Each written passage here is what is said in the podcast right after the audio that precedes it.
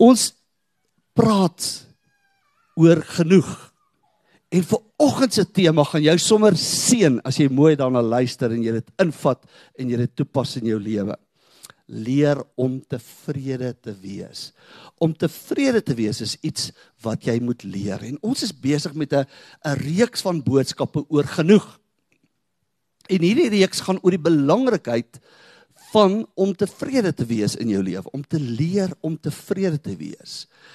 En ek wil begin met so 'n stelling wat ek glo in jou hart moet ingaan. Ware geluk, as jy waarlik gelukkig wil wees, dit vereis tevredenheid.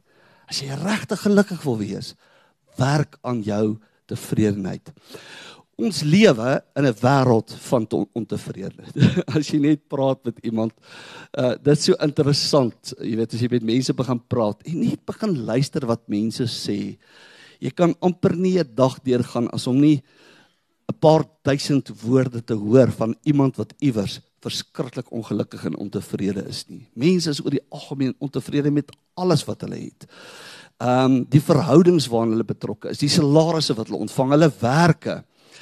En ehm um, selfs al het hulle alles wat hulle hart begeer, dan sal hulle nog steeds ontevrede wees want daar's nog iets anderste wat hulle nog nie in hulle lewe het nie. Ek wil hierdie boodskap amper wil ek sê die eerste vragie vir jou vra. Is jy tevrede? regtig tevrede. Miskien is daar 'n klomp redes wat jy kan gee oor hoekom jy ontevrede is. Maar ek wil jou 'n tweede vraagie vra waarmee die boodskap begin vanoggend. Wanneer gaan jy reg genoeg hê sodat jy gelukkig en tevrede kan wees? Dink so vir 'n oomblik aan daardie vraag. Wanneer gaan jy reg genoeg kan kan verkry in jou lewe sodat jy regtig kan sê, "Nou, nou is ek presies waar ek wil wees. Ek het ek het en nou is ek gelukkig en tevrede. Ek het slegte nuus vir jou. Die antwoord is jy gaan nooit genoeg hê sodat jy tevrede en gelukkig kan wees nie. Nooit. Want geluk word nie gevind in die dinge wat jy begeer en die dinge wat jy moet verkry nie maar in die gesindheid van tevredenheid. Tevredenheid is die een ding wat sal maak dat jy uiteindelik gelukkig is. En as jy gelukkig wil wees, werk aan jou tevredenheid. Miskien sê jy vir my ernig, jy praat nou 'n klomp goeters, kan dit regtig waar wees? Die waarheid is dat die rykste man wat ooit geleef het in moderne geskiedenis, ja, en selfs ryker as as Bernard Arnold, die Franse besigheidsmagnaat wat ehm um, wat baie geld gehad het of nog steeds het. Ons eie ons eie Elon Musk wat tot onlangs die rykste man was met die auto nou verbygegaan en selfs Jeff Bezos van die die die stigter van Amazon, die ou wat Amazon begin het. Die rykste ou wat nog ooit geleef het, sy naam was John G. Rockefeller en hy het byna 100 biljoen rand meer. Kyk kyk dink ewig kwy so baie geld saamkom, jy weet. 100 biljoen rand meer as wat die rykste ou nou het, Bernard Arnold. En iemand het vir hom die vraag gevra. Hy sê en ek bedoel hierdie ou kan met gesag praat. Ek bedoel as jy nou die rykste ou op aarde is, kan jy nou bietjie sê wat maak jy nou gelukkig of wat maak jy nou ongelukkig? En iemand het hom die vraag oor geluk en geld gevra en ek sê how much money does it take to make to make a man happy? Raai wat het geantwoord? One more dollar. Net 1 dollar meer. Dan gaan jy nou regtig gelukkig wees. En wat die waarheid is. En ek dink hy het dit verstaan. Hy is al hier in 1939 dood. Toe was hy tot vandag toe is hy nog steeds die rykste man wat ooit geleef het. Maar geen mens, geen mens op aarde word meer vervuld en gelukkiger weens hierdie voortdurende dryf van ontevredenheid. En die waarheid is in die meeste gevalle maak dit hulle leeg. En dit maak hulle arm en ongelukkig. En daar's 'n Psalm en ek het dit laasweek spesifiek nie gelees nie want dit is die awesomeste Psalm wat jy seker in die Bybel kan lees oor oor besittings en oor goederes wat jy begeer en goederes waarin jou pad is en jy dink, "Jog, as ek net daar kan kom, as ek net dit kan besit, dan sal ek nou gelukkig wees." En dit is Psalm 106. Waar waar die psalmdigter sê, hy sê, "Hulle en dis nou Israel was nie bereid om te wag tot hy vir hulle sê wat hulle moet doen nie." Dis so iets van hulle was nie bereid om na die Here toe te draai vir vervulling nie.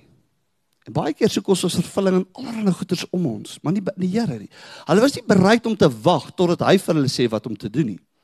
Daar in die woestyn het hulle net aan hulle self gedink. Spreek ons 'n bietjie aan wat ver oggend hier sit, nê? Nee. Met hulle aanhoudende gekla het hulle God kwaad gemaak. Hulle het sy geduld beproef deur te eis dat hy vir hulle kos gee. Hy het vir hulle gegee wat hulle gevra het, maar hy het in hulle geestelike honger te gegee. Hy het hulle geestelik laat uithonger. Toe het hy hulle gegee wat hulle gevra het, maar in hulle siel 'n maarte gestuur.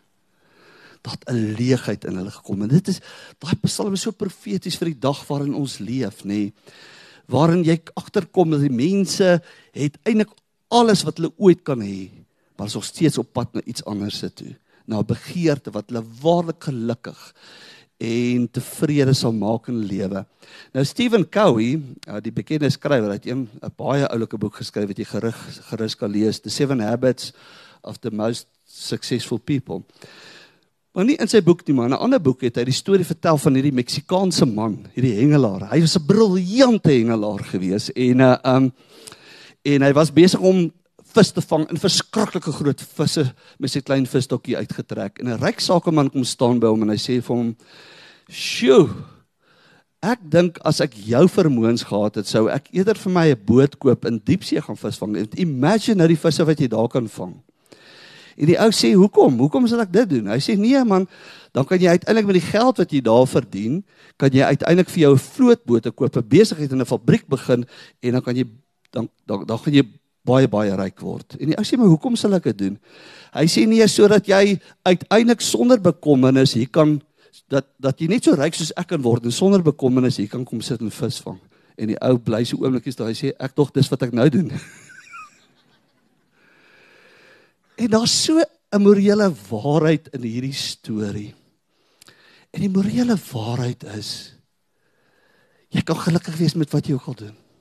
Jy kan kommervry Moenie dink omdat jy meer geld, meer besittings, meer suksesvol, beter pos, 'n beter persoon in jou lewe hê, jy gaan noodwendig gelukkiger wees nie.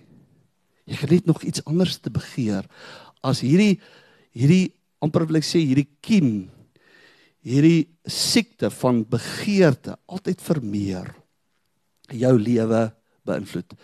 Sê ek dan nou vir oggend dat dat ons moet ophou om te streef groei dat ons nou teen vooruitgang is glad nie. Glad nie. Ek sê nie ek sê nie jy kan nie besit nie. Jy kan nie by mekaar maak nie. Jy kan nie wealth create nie. Al wat ek sê is dat ons identiteit en vervulling kan nie bepaal word deur materiële dinge, goeder wat ons in die toekoms gaan kry nie. Ons moet ons ons vervulling in God vind. En dat ons nie ons sal dryf deur vrees, ek gaan te min hê nie. Want dis die twee goeters wat wat in hierdie wêreld baie mense maak om besluite te neem. Baie keer die verkeerde besluite, vrees, ek gaan te min hê of gierigheid, ek wil graag meer hê.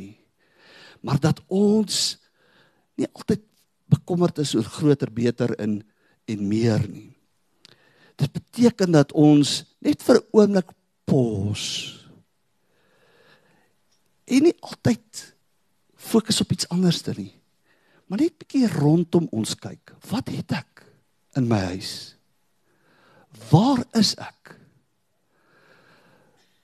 Wat gaan in my lewe aan? En dan dit begin waardeer. Nie verbitterd wees oor wat jy nie het nie, maar waardering hê vir God se guns en liefde en genade in jou lewe. En laasweek het ons daaroor gepraat dat dat dat tevredenheid is God se wil vir jou lewe. En dat die Bybel dit so mooi stel. Hy sê dit so pragtig. Hy sê dat ware rykdom is om God regtig te dien en te ken en in hom te glo en om tevrede te wees met wat jy het. En daar's 'n skrif in die Nuwe Testament wat wat koppel aan dit wat ek nou-nou vir jou gesê het in Psalm 106 waar die Bybel sê moenie murmureer soos sommige van hulle gemurmureer het nie en hulle het omgekom. Weet jy kom met Israel dood gegaan in die woestyn? Wat was twee redes? Hulle ongeloof en hulle murmurering. Hulle het heeltyd gekla oor alles wat hulle nie het nie. En die Bybel sê hierdie dinge wat hulle daaroor gekom het is voorbeelde en is opgeskryf as 'n waarskuwing aan ons op wie die eindes van die aarde gekom het. Vervang jou klaarheid met dankbaarheid en ek preek hier vir julle alleen en vir myself ook. Sê my vrou gaan dit wil altyd daar by die goeters begin wat jy nie het nie en waar jy nog nie is nie. En ons het verlede week gepraat oor agter dit alles is drie sondes, drie groot sondes, hoogmoed. Ek voel ek verdien beter. Ek verdien nie die lewe wat ek nou het nie. Regtig? Hoekom dink jy jy verdien beter? Of gierigheid? Ek dink beter en groter en meer gaan help of afguns as ek net meer kan besit as die persoon langs my. En hier is die belangrike waarheid oor perspektief, nê. As jy mooi eerlik dink aan wat jy het en jou eie lewe in perspektief sien. In terme van die mense wat op op op, op planeet Aarde leef, gaan jy besef dat ten spyte van al die dinge wat jy kan noem, waaroor jy ontevrede is vanoggend dalk dat jy eintlik genoeg het meer as baie mense hier op aarde. Die vraag vanoggend is wat is tevredenheid? Ek dink dis 'n goeie vraag nê. Wat is tevredenheid? Wat is dit? En ek wil ek wil dit definieer. Deur vir jou te sê ek dink tevredenheid is hierdie innerlike vrede dat God kan alleen vir my gee ongeag van die omstandighede en die tekorte in my lewe wat ek nodig het. En 'n diep geloof dat God goed is. En dit is eintlik die teenoorgestelde van om te murmureer, te kla en 'n gees van ondankbaarheid. Dis God se wil. Dis nie iets opsioneel nie. Dis nie iets soos party ouens deesdae straat stopstrate beskou, jy weet, is opsioneel om te stop nie. Hierdie is is God se wil vir jou lewe. God As jy God se seën in jou lewe wil hê, begin by tevredenheid. Uh dit is wat ons dit dit genoem het, nê. Nee. Ons het dit genoem. Dit dis rykdom as jy tevrede kan wees en jy kan God volkome dien. En die vraag dan daarmee saam is, natuurlik gaan jy vra, "Oké, maar help my. Hoe kan ek tevrede wees? Hoe kry ek hierdie gesindheid van tevredenheid?" En dis nie dis nie vreemd nie. Dis nie een of ander filosofie oefening wat ons nou moet doen. Die Bybel is reguit daaroor. Jesus is reguit daaroor. Paulus is reguit hieroor dat dit is 'n gesindheid wat vanuit 'n verhouding met God vloei. As jy 'n verhouding met God het, gaan hy jou hy gaan jou ping. Hy gaan jou dit hy gaan deur sy Heilige Gees dit in jou hart indruk dat jy tevrede moet wees en wat ons kies. Ons kies om tevrede te wees of ontevrede te wees. En dis iets wat ons aanleer deur ons lewe. En nou wil ek vir oggend se skrifgedeelte vir jou lees. Neem kennis. Hierdie skrifgedeelte skrywe Paulus vanuit 'n tronk, 'n Romeinse tronk. Ons wat so 'n bietjie kerkgeskiedenis geleer het en so 'n bietjie ehm um, geskiedenis van die Middellandse wêreld geleer het op universiteit, weet hoe sleg was 'n Romeinse tronk glad nie ver, vergelykbaar met daai tronk in Bloemfontein waar 'n ou sommer sy eie ontsnapping reël nie. Hierdie is jy's aan boeye vasgemaak aan 'n ander Romeinse soldaat. Hulle het jou opgepas dag en nag, jou heeltyd geslaan op jou gespoeg. Dit was 'n verskriklike ding gewees. En hy skryf dit vanuit 'n tronk uit. Skryf hierdie brief. En hy sê hierdie woorde. Hy sê Filippense 4, is jou Bybel saam met maak dit gerus daaroop. Hy sê ek het geleer om in alle omstandighede tevrede te wees. Ek weet wat dit is om min te hê. Ek weet ook wat dit is om oorvloed te hê. Ek is in elke opsig en in alle omstandighede of dinge ingewy om versadig te wees sowel as om honger te ly, om oorvloed te hê sowel as om gebrek te ly, totdat alles is ek in staat deur hom wat my krag gee. Jy hoor die woorde van 'n man wat tevrede is. Nie so sommer so vier beginsels wat jy maklik kan raak lees daar. Eerste plek is God se wil om tevrede te wees. God begeer dat ons tevrede sal wees. Maak nie saak hoe min jy dink jy het nie. Ware geluk begin om te sê, "Oké, okay, dit is al wat ek het en ek wil die Here dank vir dit wat ek het."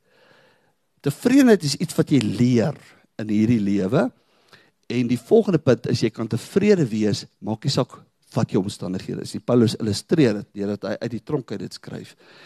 En die laaste punt wat jy hier gaan sien is jy vind krag tot om tevrede te wees alleen by God. Tevredenheid is uiteindelik 'n keuse. Dis my en jou keuse om vanoggend te besluit ons gaan doen wat die Here wil hê of ons gaan in ont ontevredenheid bly. Tevredenheid word deur ervaring geleer, nê. Nee, Paulus het geweet. Hoekom? Want hy was daar gewees. Hy weet wat dit is om elke dag genoeg kos op sy bord te hê en niks te hê nie. Jy weet, en uh, en ek besef dat jy weet vir almal van ons, ehm um, is dit moeilik om te verstaan want jy weet, dink net gou hoe jy in die wêreld ingekom nê. Uh, Miskien moet jy net daar pos. Tevredenheid kom nie natuurlik nie. So moenie nou skuldig voel omdat jy dalk met ontevredenheid worstel in jou lewe nie. Die natuurlike ding is om te om, om ontevrede wees. Dink net hoe word jy gebore nê as 'n babatjie nê. Ehm um, jy jy jy kom in hierdie wêreld in en die eerste ding wat jy doen is jy wys jou ontevredenheid om te gil en te skreeu vir kos. Dis jy in die wêreld inkom. En dan word jy 'n tiener nê en daai siklus van begeerte en bevrediging word nie anders te nie. En as jy 'n tiener ouer vanoggend is, die Here is met jou. Geen bekommerd, die Here is met jou. Hy gaan jou help. Want die waarheid is, die Here het nodig om jou te help as jy tiener ouer is. Want daai tiener jy gaan agterkom nê en moenie hom of haar veroordeel nie. Hulle gaan heeltyd kla oor hoe swaar hulle in jou huis kry. Hulle gaan hulle ontevredenheid uitdruk die heeltyd dat hulle gaan jou vertel van die maatjie se pa wat so great is en jy is so pateties. Hulle gaan jou vertel van alles wat ander paas vir hulle kinders koop en jy kan dit nie bekostig nie en hoe pateties dit nou is. En dan jou jou reaksie op dit gaan wees, kom ek gee jou lesingkie oor dankbaarheid. Hy gaan dit glad nie verstaan nie. Hy het nie 'n klou waarvan jy praat nie. Maar ek beloof jou, daar gaan 'n dag kom dat daai tiener sy eie lewe gaan aanpak. En dan gaan hy skielik wanneer hy leer wat dit is om 'n leë bord te hê, wanneer hy leer wat dit is om sonder goeder klaar te kom, gaan hy terugdraai na jou toe en sê ek so spyt omdat ek so ontevrede was. Daar word 'n storie vertel wat dit so mooi illustreer. Tevredenheid word geleer. Ek weet nie wie hierdie storie vertel nie. Ek dink is ek dink is Bob Beaufort wat hierdie storie vertel het van van 'n man, 'n Hongaarse man wat verskriklike slegte omstandighede in sy woonstel gehad het. En hy gaan na die Joodse rabbi toe en hy sê vir die Joodse rabbi: "Rabbi, Ons is 9 mense wat in 'n een slaapkamer woonstel bly. Dit is verskriklik sleg. En ek is verskriklik ontevrede oor ons omstandighede. Die Joodse rabbi sê: "Oké, okay, ek sê goeie raad, jy gaan nie daarvan hou nie, maar dit gaan werk. Jou bok, jy het mos 'n bokkie. Ou sê ja, ek het 'n bok. Hy sê bring hom saam met julle nege in die woonstel in en laat hy saam met julle bly." Die man was nie baie opgewonde oor die raad nie. Hy wou eintlik iets anders te by die rabbi gehad het. Maar die rabbi motiveer hom toe: "Vat die bok saam met jou in en kom oor 'n week na my toe terug." Na 'n week kom die ou terug en nou sê hy eers ontevrede. Hy vertel van die bok wat op alles klim, die bok wat alles eet, die bok bok wat oor alles mors. Hy sê: "Ek kan dit nie meer hou nie." En die Joodse rabbi sê: "Oké, die volgende deel van die oefening is: gaan huis toe en jaag die bok uit." En die volgende week kom die ou terug en hy sê ek kan nie glo hoe gelukkig ons nege nou nie woonstel is nie. nou elke keer as ek ontevrede raak, dink ek dink ek dis my lese is jy het net een bok nodig om jou te herinner. Jy's eintlik okay. Jy gaan dit maak. En jou kind het net 'n bok nodig in die woonstel na daai bok gaan hulle voel hulle lewe in die hemel op aarde. So en dis die lewe mos nee, jy het net daai bok nodig om jou te herinner dat jy kan tevrede wees ten spyte van jou omstandighede. Geluk is baie keer in die wêreldse terme is geluk en ons gaan 'n bietjie volgende week oor vervulling praat, ons gaan nou 'n week oor geluk praat. Ek wil nie dit nou vooruitloop nie, maar Jy weet dit is waar happiness vandaan kom. Happiness is something coming from the happenings in your life. 'n wêreldse definisie van happiness. Goeders moet reg wees vir jou, goeders moet uitwerk vir jou. En as dit nie uitwerk vir jou nie, is jy ongelukkig. Maar Paulus het hierdie lesie geleer. Hy sê ek het geleer om in alle omstandighede tevrede te wees.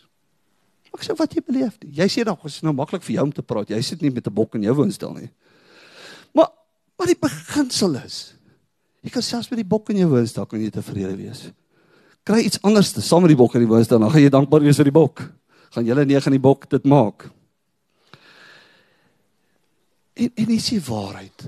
Ware geluk, tevredenheid word in God gevind, nie in goed nie. En Paulus se bekende versie, en dit is vir my baie interessant. Die meeste mense wat hierdie versie gebruik, gebruik hom buite konteks. Paulus het nie gepraat van jy kan alles doen deur Christus wat jou krag gee nie. Hy het gesê jy kan alle moeilike omstandighede in die lewe kan jy tevrede wees deur Christus wat my krag gee. Ek is tot alles in staat deur Christus wat my die krag gee. Jou gebed vandag. En ek weet, ek weet dis die woord van die Here vir ons vandag. Jy weet is is Here help my.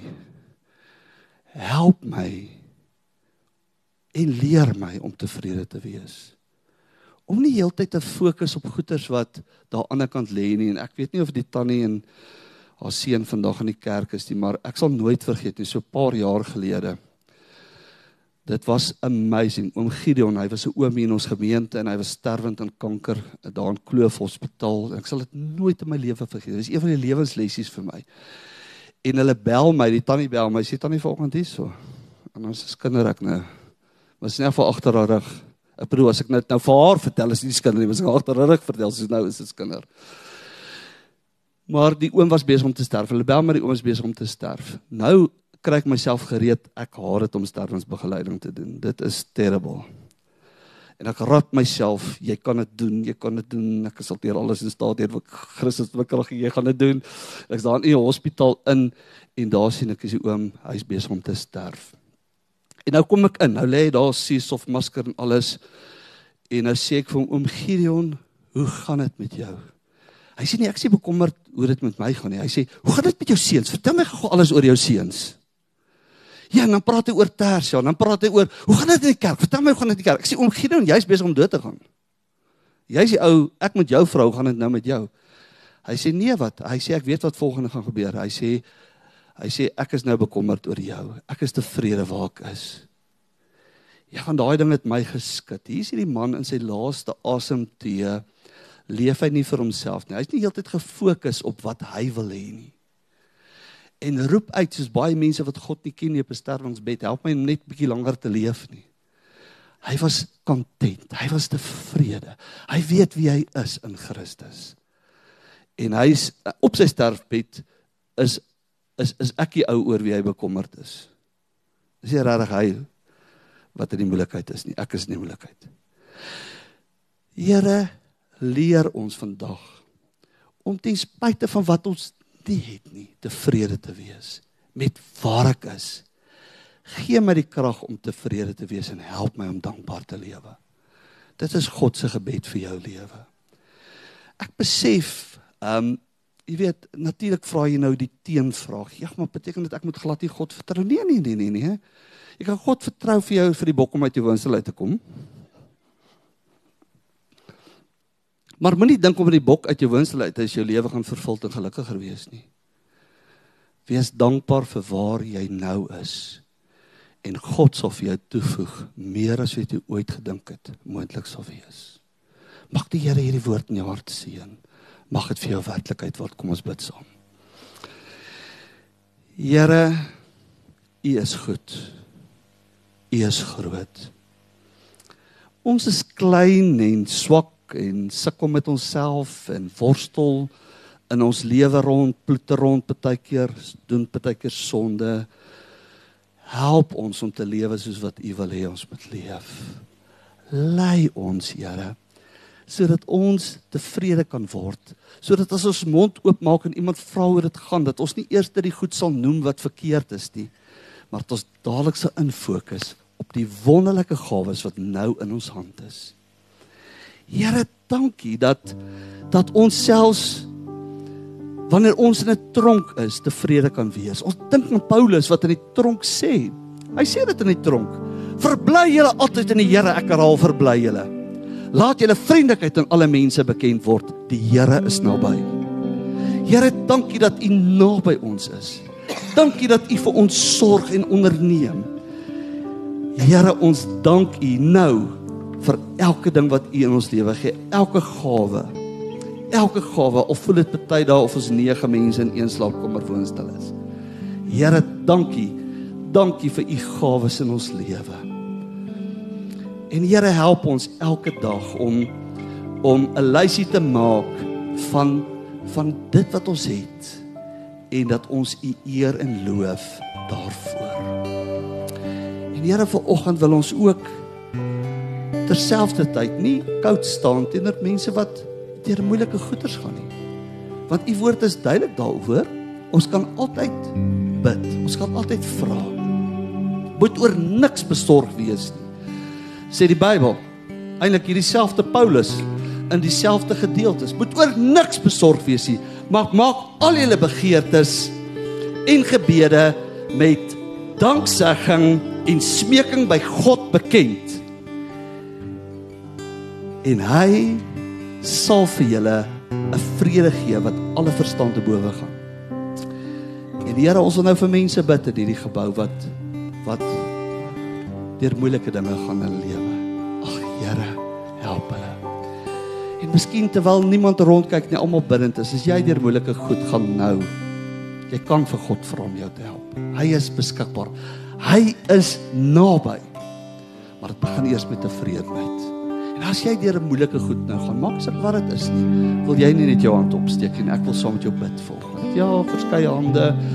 Ag wil nie net sommer opstaan nie. Niemand kyk nou rond nie. Ek wil graag sien wat daardie mense staan. Ons wil op hulle fokus of hulle bid volgens. Ag Here, dankie dat U die een is wat sorg. Dat U die liefdevolle Vader is wat weet wat ons nodig het nog voordat ons bid. Ons wil bid vir hierdie mense vanoggend. Here, wat hier moeilike goed gaan. Of dit 'n siekte toestand is of dit spanning is oor dit wat in my besigheid aan die gang is en dit wat daar voor gebeur of dit spanning is in 'n huweliksverhouding of dit is 'n deur wat moet oopgaan. Here, U is God en U kan alles doen. En ons wil bid, Here, dat U die mense sal sien, sal ontmoet vanoggend en dat voordat die deur oopgaan, die siekte genees word, die verhouding herstel word, Here, dat hierdie mense 'n vrede nou sal ervaar wat alle verstand te bowe gaan. En die Here dat ons almal gelukkig en tevrede sal wees ten spyte van. Ons bid dit vanoggend in Jesus naam. Amen. Kom ons staan op en sing ons laaste lied. Dankie Jonathan.